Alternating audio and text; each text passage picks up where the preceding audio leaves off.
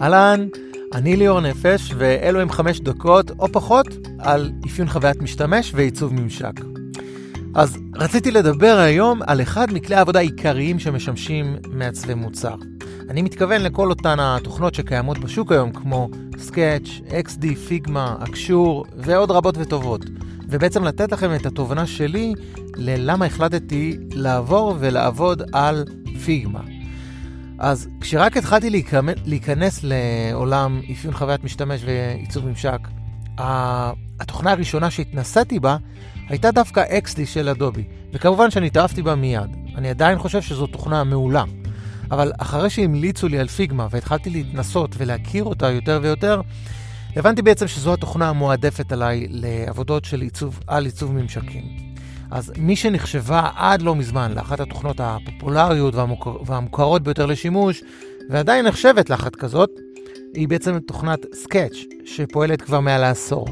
אבל סקרים שונים שנערכו בשוק המעצבים בעצם מראים שיש עלייה משמעותית לפיגמה, שהתחילה את הדרך שלה בפעם הראשונה ב-2016. אבל מאז היא הצליחה לשפר משמעותית את עצמה בדירוג התוכנות המועדפות לשימוש בקרב מעצבים. והנה הסיבות למה.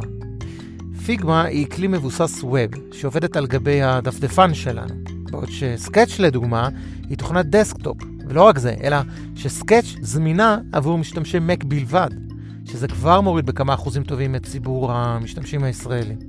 דבר שני, Figma כל הזמן מעדכנת ומגדילה משמעותית את היצע התוספים והפלאגינים שהיא מעמידה לרשות קהילת המעצבים. וזה דבר שמקל מאוד על תהליך העיצוב בפיגמה, ומאפשר בעצם לשפר תהליך העבודה. אחד היתרונות הבולטים שלה היא קלות השיתוף בין מעצבים שונים. היא תומכת ומאפשרת שיתוף פעולה בזמן אמת, בעבודה בו זמנית על קובץ אחד בין כמה מעצבים. בנוסף לזה, היא גם מאפשרת שיתוף פעולה עם מפתחים ברמת מוקאפ, על מנת לקבל פידבק ובדיקות. וככה, כל מעצב יכול לשלוט על הגדרות השיתוף שהוא מאפשר לכל אחד. גם מבחינת תהליך העבודה וההיכרות עם התוכנה, מבחינת מבנה, היא דומה מאוד בתכונות שלה לתוכנות עיצוב שבאו לפניה. וככה דברים כמו פונקציונליות או שימוש בקיצור מקשים, הם דברים שניתן ללמוד אותם בצורה יחסית מהירה.